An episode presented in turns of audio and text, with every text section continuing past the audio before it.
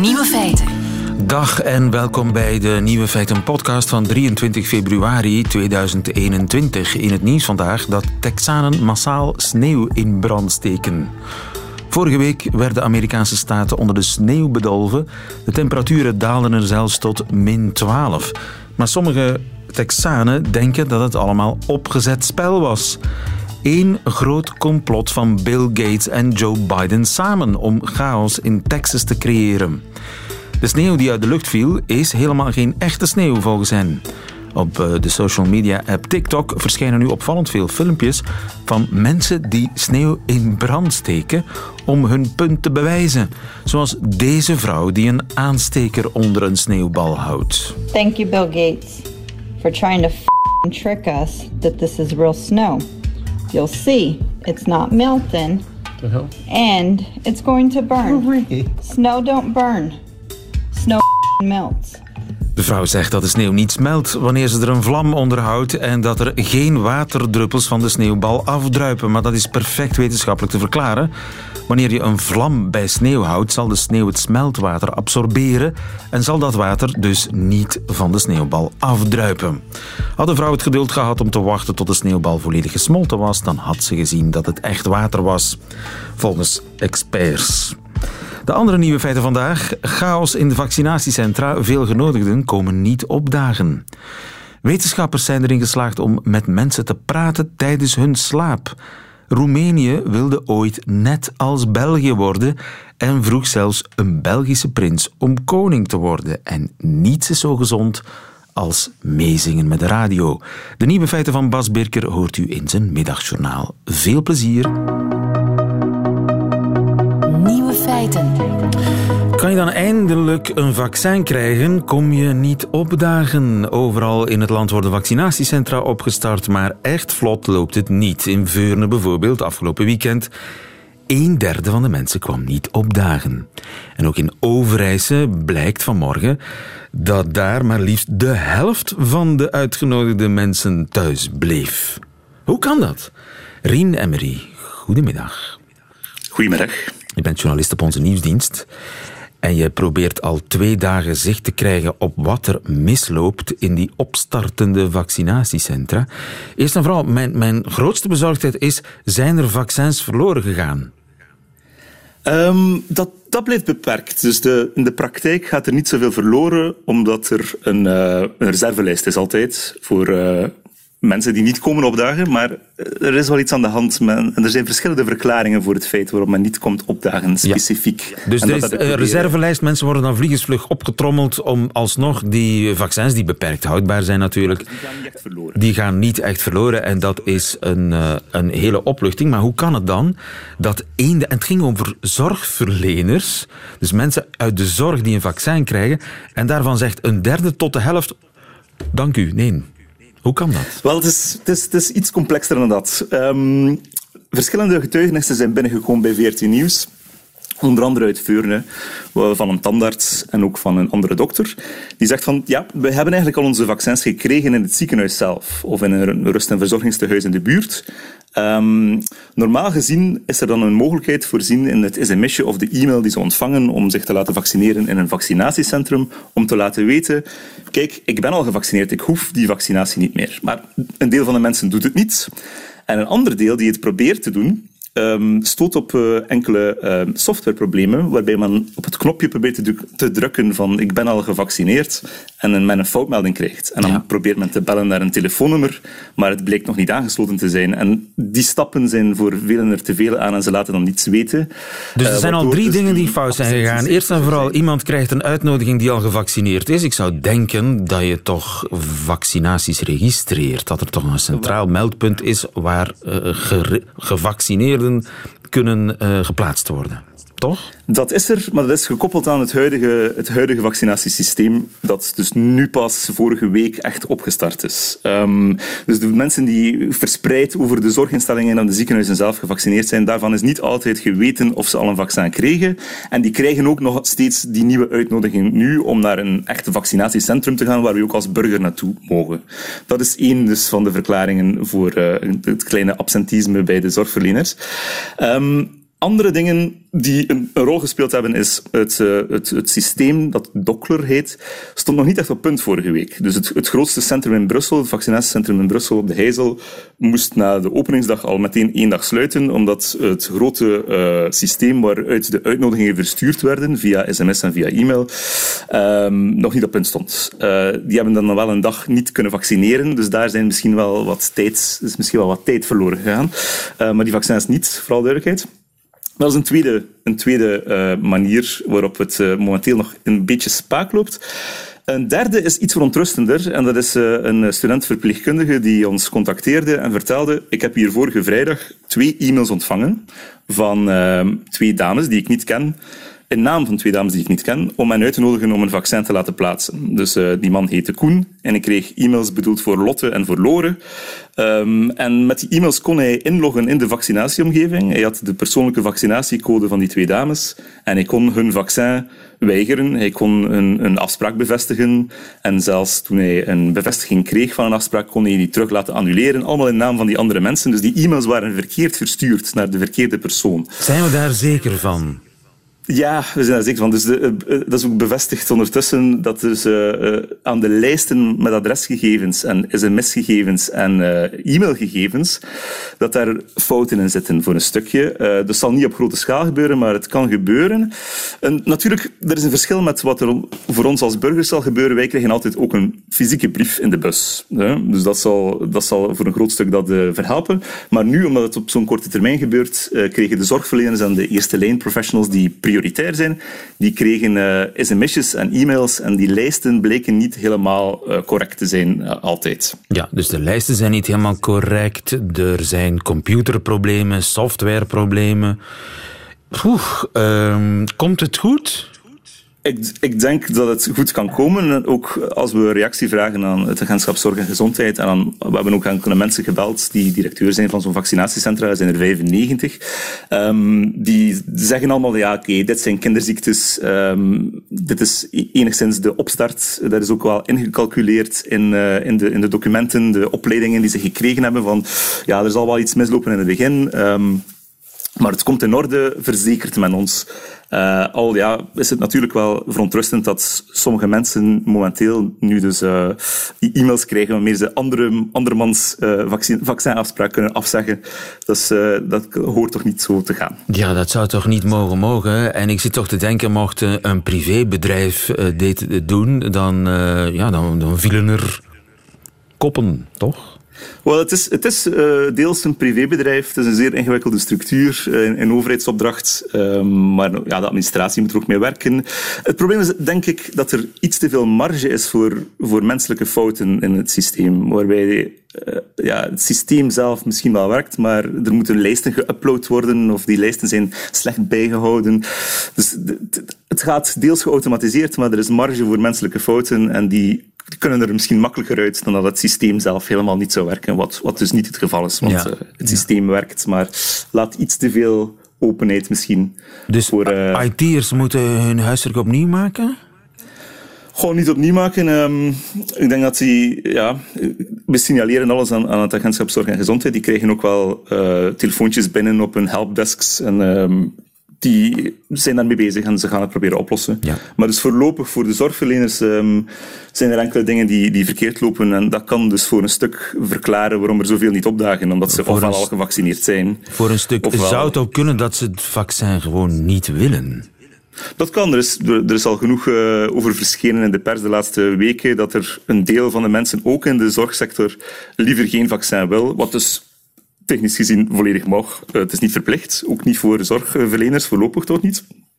Uh, iedere burger mag het weigeren. Er is ook speciaal een knopje voor voorzien als je zelf als burger je brief of je sms of je e-mail zal krijgen met een uitnodiging, of alle drie, dan kan je ook laten weten, ik wil het niet, ik wil het wel, ik wil mijn afspraak verplaatsen naar die datum, want ik kan niet. Dus er is, een heel, er is heel veel ja. mogelijkheid daar.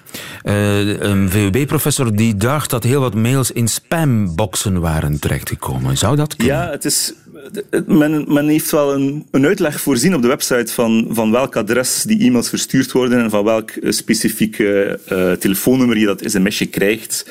Ehm, dus iedereen zou eens moeten surfen naar laatjevaccineren.be om, om te checken exact hoe die brief eruit ziet, hoe die e-mail eruit ziet, hoe het sms'je eruit ziet. Want verwacht wordt, en men vermeldt het ook op de website, ja, het kan zijn dat men zal proberen uh, aan phishing te doen, zoals dat heet. Ja. Uh, valse sms'jes, valse e-mails te sturen. Uh, dus check zeker eens dubbel of het wel de echte e-mail is die je krijgt ja. als je aan de beurt bent. Maar later zal, zal er met brieven gewerkt worden. Ja, dus puur nu nog niet, omdat ja, die zijn een, aantal dagen onderweg en men, men heeft uh, zorgverleners die men kon bereiken, uh, waarvan men dus een e-mailadres of een gsm-nummer had, een sms'je of een mail gestuurd, maar wij als burgers krijgen sowieso ook een brief.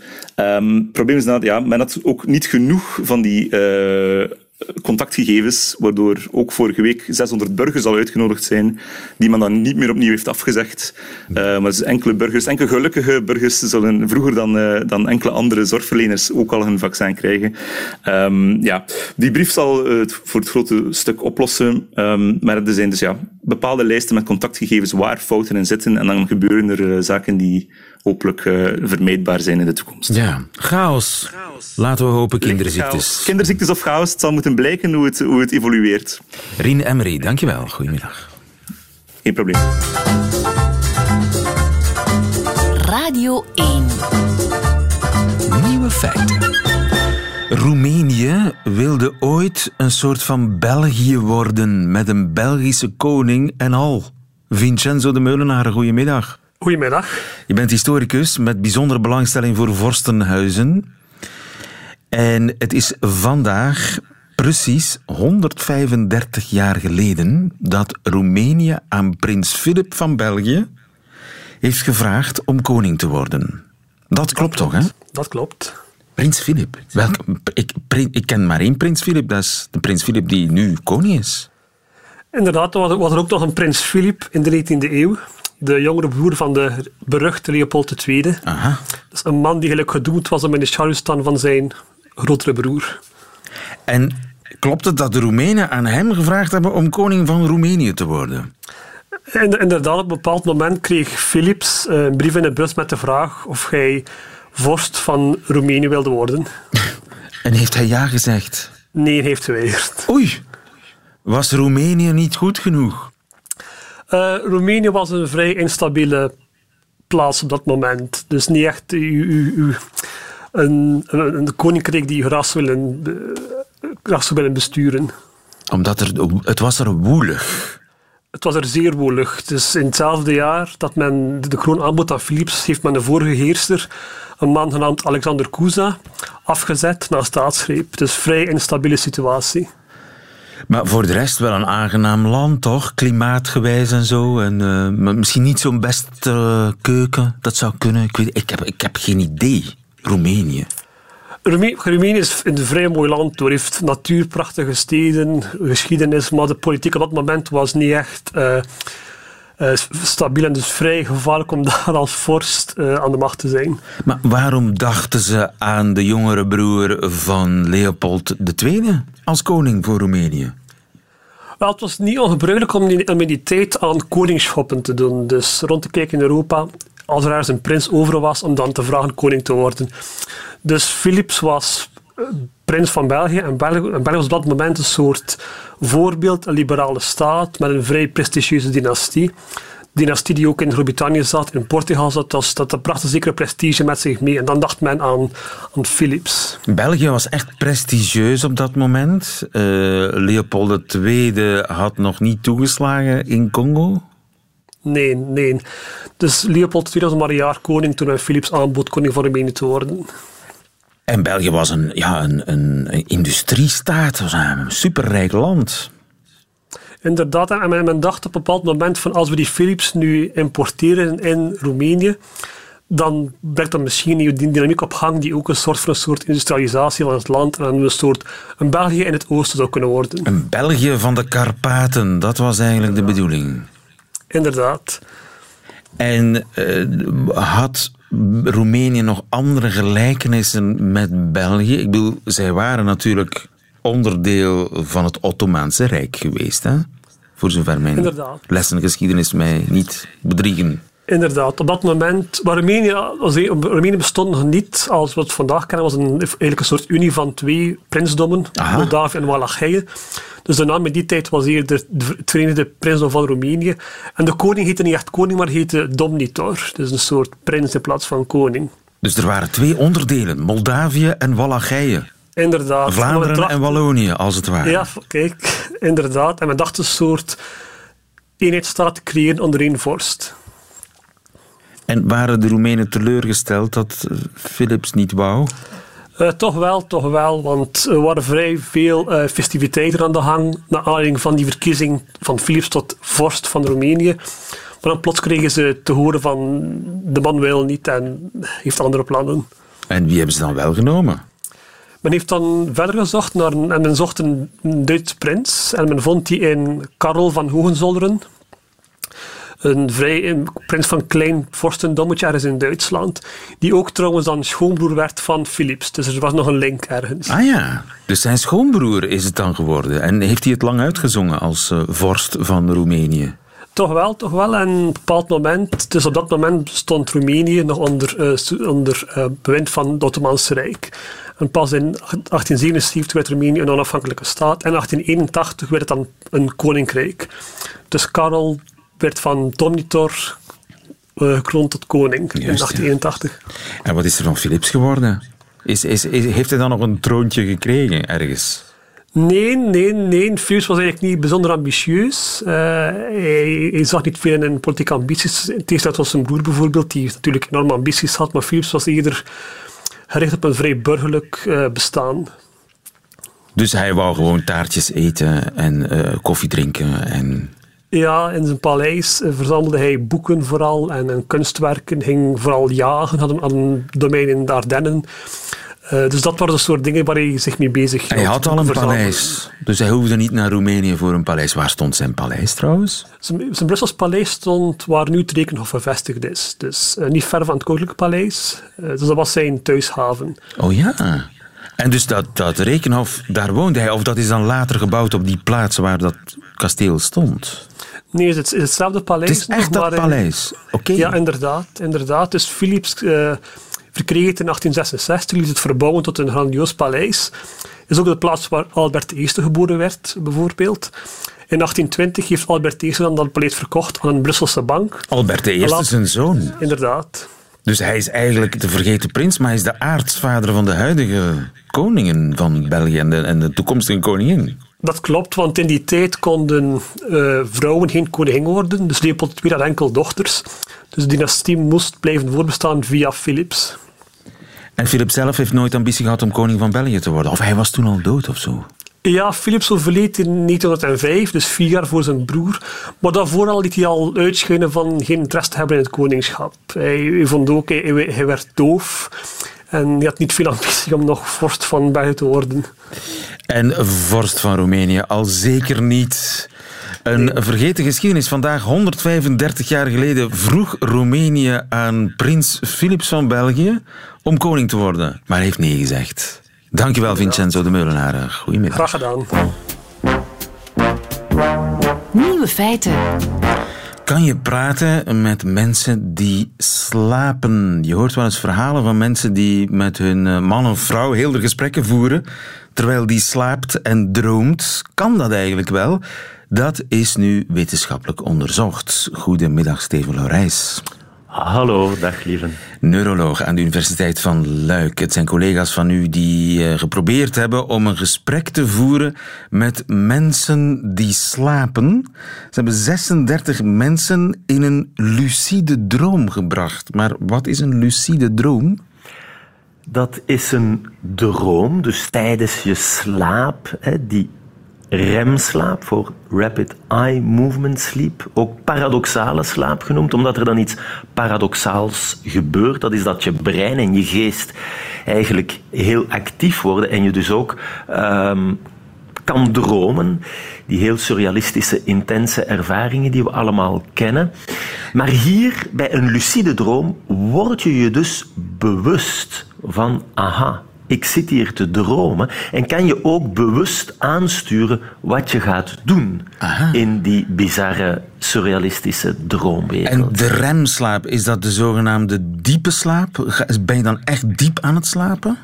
Nee, je hebt dus eh, van buitenaf lijkt dat ja, je slaapt, maar in een slaaplabo, als we dan elektroden op je hoofd plaatsen, dan zien we dat er verschillende stadia zijn. Je begint met lichte slaap en dan wordt dat diepe slaap. En dan gebeurt dus die paradoxale REM-slaap. Ah ja, dat is de, laatste fase van je slaap. En je gaat zo via uh, die verschillende stapjes tijdens een nachtje slapen vier, vijf keer door die verschillende stadia. En er is meer remslaap s ochtends, dus meer kans dat je daar gaat dromen. Ja, en er zijn dus bepaalde mensen die tijdens die remslaap zich bewust zijn van het feit dat ze slapen en dat ze aan het dromen zijn. Is dat een, een kleine minderheid? Ja, heb je dat nooit zelf gehad? We kunnen misschien ja, ja, heel, heel af en toe. Dat klopt wel. Ik heb het wel eens gehad. En je kan dat dus trainen. Eh, je kan het vragen aan, aan de luisteraars. Uh, er zijn zelf gemeenschappen hè, die uh, hun ja, tweede wereld s'nachts tijdens die droomslaap gaan delen. En uh, ik heb er zelf ook gehad tijdens het lezen van een boek over lucide droomslaap. dat was net na de geboorte van mijn eerste en nu oudste dochter, waar je dus vaak wakker wordt. En uh, dat kan ook de kans vergroten. Het is fantastisch als je dat ervaart. En ik ben heel blij dat nu ook slaaponderzoekers, en ik zou bijna zeggen eindelijk, wat meer aandacht hebben voor zoiets fascinerends als onze dromen. Ja. Want iedereen heeft het wel eens gehad en praat erover, maar ja, dat is natuurlijk anekdotisch. Nu is er echt wetenschappelijk onderzoek gedaan naar die lucide dromen. Je kunt die trainen. Hebben ze mensen getraind om lucide dromen te hebben? Ja, inderdaad. Um, dus wat gebeurt er eigenlijk als je uh, in die droomslaap bent, hè, waar je dus de meest ongelooflijke dingen doet. Hè. Je, je, je loopt achter iemand aan of, of, of van weet ik veel welk monster weg. Maar natuurlijk, je spieren die uh, bewegen niet. En dat is omdat je uh, in je hersenstam, tussen je brein en je uh, ruggenmerg zit uh, een soort, om het simpel te zeggen, schakelaartje, wat maakt dat je ja, die bewegingen wel uitvoert in je droom, maar niet echt in je spieren. Behalve je oogbewegingen. En dan kan je dat kanaal gebruiken, en dat hebben ze hier ook gedaan, om bepaalde codes af te spreken. Uh, kijk twee keer naar links, twee keer naar rechts, en dan communiceer je aan de slaaponderzoeker. Ah, ik ben in een lucide droom. En dan kan hij dus vragen stellen en kan jij via die kleine oogbewegingen of andere kleine bewegingen, zoals ze hier gedaan hebben in het aangezicht, um, een antwoord geven, ja of nee, op specifieke vragen. En wat hebben ze zoal gevraagd? Wel, um, het is onderzoek gebeurd aan verschillende uh, centra, Verenigde Staten, Frankrijk, Nederland, uh, waar ze bijvoorbeeld tijdens zo'n lucide droom vragen, zeg me eens 6 min 4 is... en dan maakt hij dus twee oogbewegingen. Dus er zijn mensen die in hun slaap kunnen rekenen. Ja, en dat is echt uh, heel indrukwekkend. Dus ik herinner me ook heel duidelijk mijn eerste lucide droom, zoals het woord het zegt. Je bent dus lucide. En vroeger onderzoek had al aangetoond bijvoorbeeld dat we uh, de vraag kunnen stellen, oké, je begint je lucide droom nu, kom terug binnen één minuut. En dat gebeurt dan uh, correct. Dus de tijdservaring ook tijdens droom, waar we soms de indruk hebben, er gebeurt heel veel op een fractie van een seconde. Wel, dat onderzoek toont dat ook tijd uh, tijdens de droomervaring vergelijkbaar is met, met uh, de tijd die we, die we kennen tijdens het, het normale waken. Dus dat betekent dat ja, je bent weliswaar aan het slapen, maar je bent eigenlijk bij bewustzijn. Absoluut, dat is zo fascinerend. Hè? Wat weten we en wat weten we nog niet over dat bewustzijn en hoe slaap, droomslaap en dan in het bijzonder die lucide uh, dromen ons toch echt een venster geven hè? om zoiets ongelooflijk boeiends, hè? het hoe en waarom van dromen. Ja, dus dit is nog maar het begin. Dit, hier moet nog veel meer onderzoek gebeuren. Ja, ik vind dat natuurlijk heel, heel tof. Um, en het is, het is niet evident. Hè. Ik herinner me, oh, dat is nu al bijna 25 jaar geleden, toen ik hier in Luik toekwam, uh, om juist dromen te kunnen bestuderen. Maar in der tijd, mijn collega's hadden helaas minder interesse in het onderwerp. Um, en ik heb dat dan geprobeerd, is niet gelukt. Maar nu dus inderdaad zien we slaaplabo's die zich interesseren aan zoiets fascinerend als dromen. Ja. Moet nog heel veel gebeuren, hè, want zes keer op de tien lukte het dus niet hè, in, ja. in deze uh, dromers. Maar uh, opnieuw een uitnodiging aan uh, iedereen die nu meeluistert. heb jij lucide dromen gehad?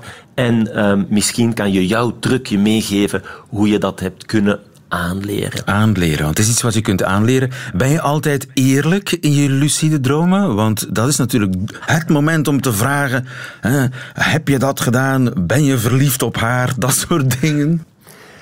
Um, ja, je, je, hebt dus die, die, dat, dat labo-materiaal nodig, hè, van, van uh, opmeten van die kleine oogbewegingen. Dus het is niet iets wat je makkelijk thuis met je partner kan gebruiken. en ik zou het niet voorstellen als soort leugendetector. Um, maar het geeft natuurlijk, ja, het opent fantastische perspectieven. Um, en ja, uh, we gaan nu uh, dat hele subjectieve en persoonlijke, wat dromen toch zijn, dan specifiek tijdens die lucide droomslaap, met ook machines, hè, want je kan dan net hetzelfde uh, doen met die hersenscanners en kijken, ja, wat gebeurt er nu in dat brein tijdens die toch heel bijzondere toestand. Dromen worden meer en meer wetenschap. Steven Laurijs, dankjewel. Goedemiddag. Dankjewel. Nieuwe feiten. Zingt u wel eens mee met de radio, dan moet ik u feliciteren, want u bent gezond bezig. Filip Raas, goedemiddag. Goedemiddag. U bent eh, professor psychologie aan de Katholieke Universiteit Leuven en ook auteur van het boek Weg van het Piekeren. Ik lees dat uh, meezingen met de radio heel gezond is in een, uh, de Nederlandse krant Algemeen Dagblad, die zich baseert op een studie van, een, uh, van vorig jaar. Kennelijk is het heel gezond. Klopt dat? Ja, ja dat klopt. En, en ik baseer me daarvoor niet alleen op die ene studie. Ik heb ook eens even een overzichtsartikel bekeken. En zingen heeft meerdere voordelen, zowel voor onze fysieke, dus lichamelijke gezondheid, maar zeker ook voor ons uh, psychische of uh, mentaal welbevinden. Ja, en zeker als je alleen in de auto zit, je kan je laten gaan, hè? Absoluut, want dat is iets wat ik vele van mijn patiënten aanraad. De, de auto is eigenlijk heel vaak een trigger voor piekergedachten, zeker wanneer de radio niet opstaat, want dan gaan, gaan je gedachten overal naartoe. En voor geboren piekeraars zijn dat soms minder prettige gedachten. En een belangrijke tip is dan bijvoorbeeld de radio gewoon aan te zetten, mee te neurien en als het even kan, als je graag zingt, om dan ook gewoon even mee te zingen. En wat is daar nu zo gezond aan? Heeft dat, zijn daar eh, fysieke verklaringen voor? Ja, ja, er zijn een aantal fysieke verklaringen en ja, die zullen de meesten van jullie wel niet verbazen door te zingen dat dat een eh, positieve impact heeft op je ademhalingssysteem, op je houding, op de ademhalingsspieren. Er zijn ook studies, al zou ik graag liever wat, wat grondigere en grotere studies zien, die aantonen dat het leidt tot, eh, tot een verhoging van de aanmaak van oxytocine. Hè. Dat is dat eh, knuffelhormoon, dat zorgt voor wat stress, dat je je meer verbonden voelt met anderen. En ook tot een toename van endorfines. Hè. Dat zijn die stoffen die zorgen voor een reductie in pijn en een toename in, in plezier. Uh, maar als psycholoog uh, verbind ik er meestal het volgende aan. We weten dat mensen zich goed voelen in hun vel wanneer er aan drie basisbehoeften is voldaan. Ten eerste autonomie, dat is ja, wanneer je zelf eigenlijk het gevoel hebt, ik bepaal hier hoe het gaat, wat ik doe, je zit zelf aan het stuur. Ja, als je zingt, ja, dan stuur jij je stem natuurlijk. Dus dan, dan bepaal jij toch wat er gebeurt. Ook competentie is een belangrijke behoefte. Hè. Het gevoel dat je iets kan, dat je iets verwezenlijkt, dat je iets aan het doen bent wat je aan kan. En vooral een heel belangrijke behoefte, en in tijden van uh, pandemie en corona, denk ik dat iedereen dat intussen wel weet, is sociale verbondenheid. Dus door te zingen, en dus zeker samen met anderen in een koor bijvoorbeeld, of, of voetbalsupporters in een stadion, dat genereert een gevoel van sociale verbondenheid. En dat geeft ons een enorm belangrijk positief gevoel. Ja, en dat zingen in een koor, dat is natuurlijk in tijden van uh, pandemieën en corona natuurlijk minder aangewezen. Ja. Dan, dan is zo zingen in, in huis of in de auto, meezingen met de radio, het eerstvolgende goede ding natuurlijk. Ja, er zijn onderzoekers die aangeven dat onze sociale... Eigenlijk allemaal met een soort van social fuel tank, een soort van tank in ons lijf. En die moet voldoende ja, gevuld zijn met een gevoel van sociale verbondenheid. Ja, en idealiter haal je dat natuurlijk uit echte fysieke sociale contacten. Maar we weten dus dat dat nu net iets lastiger is. Maar dat onderzoek geeft aan dat mensen dat gevoel van sociale verbondenheid ook heel vaak heel creatief weten te halen uit andere dingen. Een goed boek, een goede film, eh, goede muziek, zingen. Alles waar je op een of andere manier verbonden kan weten met andere mensen, met algemeen mensen menselijke thema's of, of wat dan ook. Dus dat zijn wat creatieve oplossingen ja, die we nu best zo goed mogelijk aangrijpen in deze tijden. Ja, juist, ja. Dus de ontroering die je haalt uit een lied, ja, dat is eigenlijk de ontroering die je deelt met zoveel anderen die dat lied ook kennen en ook meezingen. Ja, muziek kan troosten, dat klopt. Muziek kan troosten, zeker als je meezingt met de radio. Zullen we er een knaller van een meezinger tegenaan gooien? En het is de bedoeling dat iedereen, waar dan ook, in luxe paleizen of in nederige hutten, in, in donkere naaldwouden of verlaten schuren, wie, waar je dan ook zit te luisteren, meebrult. Dankjewel, Filip Raas. Goedemiddag. Heel graag gedaan. Nieuwe feiten. Radio 1. Dat waren ze, de nieuwe feiten van 23 februari 2021. Alleen nog die van Nederbelg Bas Birker. Heeft u te goed? U krijgt ze in zijn middagjournaal. Nieuwe feiten. Middagjournaal. Liefste landgenoten. Doorgaans probeer ik zo weinig mogelijk naar de afspraak op Canvas te kijken. Dat lukt aardig, maar aangezien ik tegenwoordig elke avond thuis ben, ontkom ik er niet aan om er soms per ongeluk langs te zeppen op weg van VTM 1 naar Play 37. Het is te zeggen, waar het tot maart vorig jaar hooguit eens per maand voorkwam, zepte ik er gisteren al voor de tweede keer deze week langs. En het was pas maandag, dus dat wil zeggen dat ik twee keer in dezelfde uitzending terecht kwam. Ze zullen in Brussel wel geschrokken zijn van de kijkcijfers. Mijn afkeren van de afspraak heeft weinig te maken met de presentatoren. Die zullen vast hun vak verstaan. Mijn degoe staat los van de gasten, hoe vervelend of overbodig ze soms ook zijn. Maar genoeg over Gwendolyn Rutte.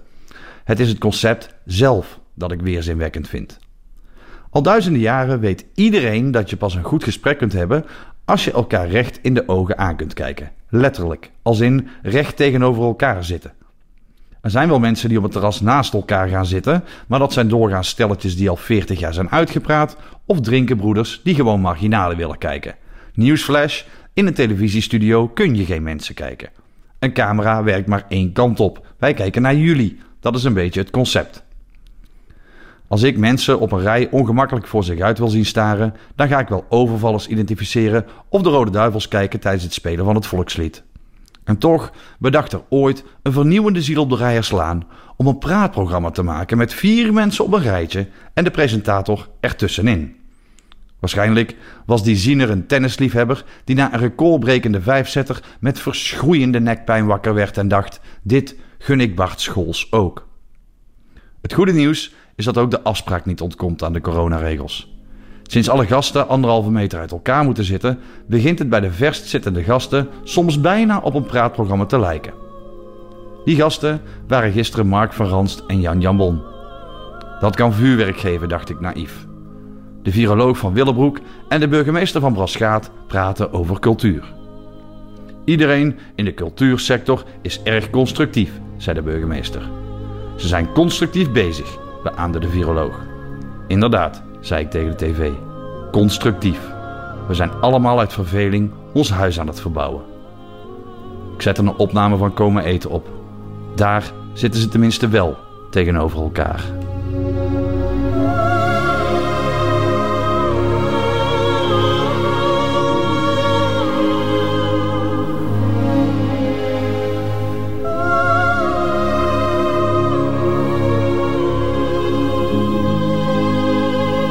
Weer het zonnetje in huis. Bas Birker in zijn middagjournaal. Einde van deze podcast.